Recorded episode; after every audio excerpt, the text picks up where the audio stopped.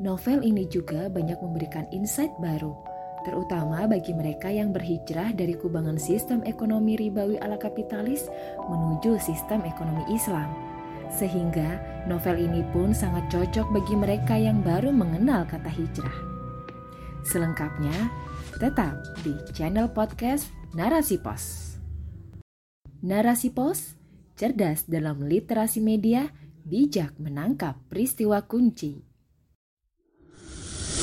Assalamualaikum Sobat Podcast Narasi Pos Media. Jumpa dengar bersama saya Sofia Aryani Dalam rubrik Books.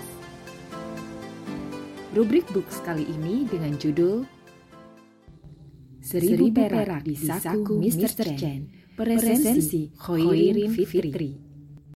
Sebagian orang menganggap membaca novel adalah perbuatan sia-sia. Tak ada gunanya. Mengapa? Karena dipandang novel hanya hiburan semata dan nirmanfaat. Padahal pandangan ini tak sepenuhnya benar. Saat ini, novel bukan sekedar karya hiburan. Ada banyak novel yang ditulis dengan serius oleh penulisnya dengan tujuan mengedukasi masyarakat dengan cara yang cantik. Jika dengan buku non-fiksi sering susah dicerna atau membuat mata cepat mengantuk saat membacanya, maka novel memiliki sajian berbeda. Novel bermuatan edukasi positif akan dikemas dalam bentuk cerita fiksi yang memiliki nilai untuk ditularkan pada pembacanya. Dunia dakwah lewat tulisan saat ini pun terus berkembang. Tak hanya karya-karya non-fiksi yang ditorehkan oleh para pengemban dakwah, ada banyak pengembang dakwah yang menorehkan pemahamannya lewat karya fiksi.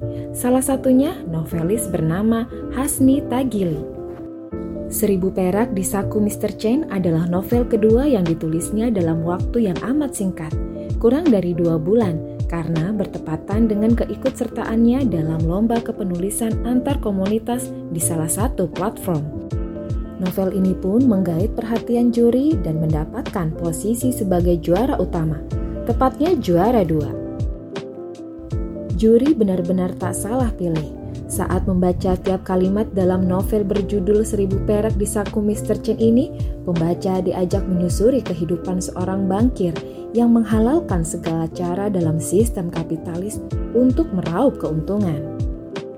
Nyatanya, arus kehidupan tak selamanya tenang. Sang bankir pun bangkrut dan beralih haluan hingga jadi tukang parkir. Meski digarap dalam waktu singkat, novel ini bukanlah sembarang novel. Penggarapannya benar-benar serius. Bahkan riset yang dilakukan tak main-main. Ada banyak scene adegan dalam bab-bab yang menunjukkan hal ini, mulai dari karakter tokoh-tokoh di dalamnya, alur, hingga setting tempat yang real nyata ada. Hal yang paling menarik menurut presensi adalah novel ini menjadikan salah satu kitab karya Syekh Taqiyuddin An-Nabhani sebagai rujukan. Kitab Nizamul Iktisod atau Sistem Ekonomi dalam Islam, kitab inilah yang dikemas secara apik dengan bahasa yang membumi oleh penulis dalam kisah Mr. Chen sebagai tokoh utama. Padahal, jika mengkaji kitab ini secara langsung, jika kita awam ilmu ekonomi, tentu cukup berat. Namun, saat membaca novel ini, penulis mampu meramunya menjadi sajian yang relevan dengan keseharian dalam sistem kapitalis saat ini. Selain itu, novel ini dikemas dengan alur penceritaan yang tidak mudah ditebak. Setiap bagiannya menimbulkan rasa penasaran hingga tak tahan untuk segera menentaskannya. Apalagi ada banyak nasihat kehidupan yang disisipkan oleh penulis dalam setiap kata yang ditorehkannya. Oh ya, novel ini juga banyak memberikan insight baru, terutama bagi mereka yang berhijrah dari kubangan sistem ekonomi ribawi ala kapitalis menuju sistem ekonomi Islam. Sehingga novel ini pun sangat cocok bagi mereka yang baru mengenal kata hijrah. Selain itu, bagi emak-emak yang menyukai drama rumah tangga, novel ini pun layak dijadikan bahan bacaan bergizi. Sudut pandang drama kehidupan suami istri di dalamnya dikemas amat cantik, sehingga akan menjadi pembelajaran tersendiri bagi rumah tangga yang ingin kokoh menghadapi berbagai ujian rumah tangga yang menghantamnya. Terakhir, tak perlu berlama-lama untuk berpikir, Segera raih kesempatan emas untuk mendapatkan bacaan bergizi tinggi ini. Raih pula peningkatan pemahaman kita tentang konsep ekonomi Islam yang mumpuni selesaikan permasalahan kehidupan dari mereguk buku ini sekarang juga. Biar tambah semangat, mari simak secuplik kutipan menarik dari novel ideologis ini. Seperti yang saya bilang tadi, yang dicari setelah bertobat itu adalah keberkahan harta, tidak peduli besar kecil nominalnya. Kalau kita masih punya aset berharga yang bisa dipakai untuk melunasi utang, sebaiknya jual saja. Jangan dijadikan agunan, apalagi kalau pinjaman itu pakai bunga. Sama saja kan?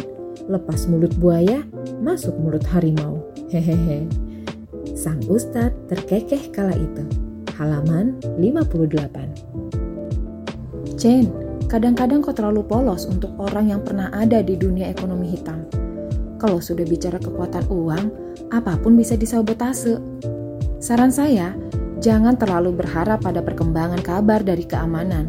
Lebih baik kau konsentrasi menata hidupmu yang baru dan pertebal sabarmu.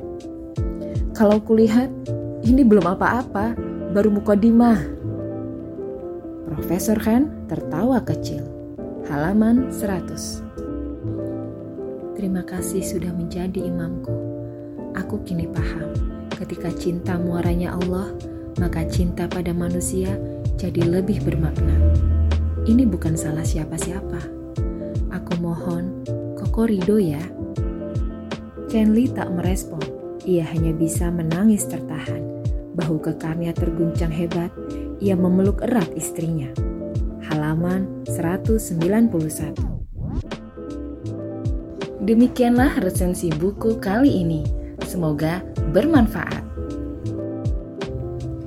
Judul buku Seribu Perak di Saku Mr. Chen Penulis Hasni Tagili Penerbit Love Friends Publishing Cetakan 1 Februari 2022 Tebal buku 222 halaman Peresensi Khoirin Fitri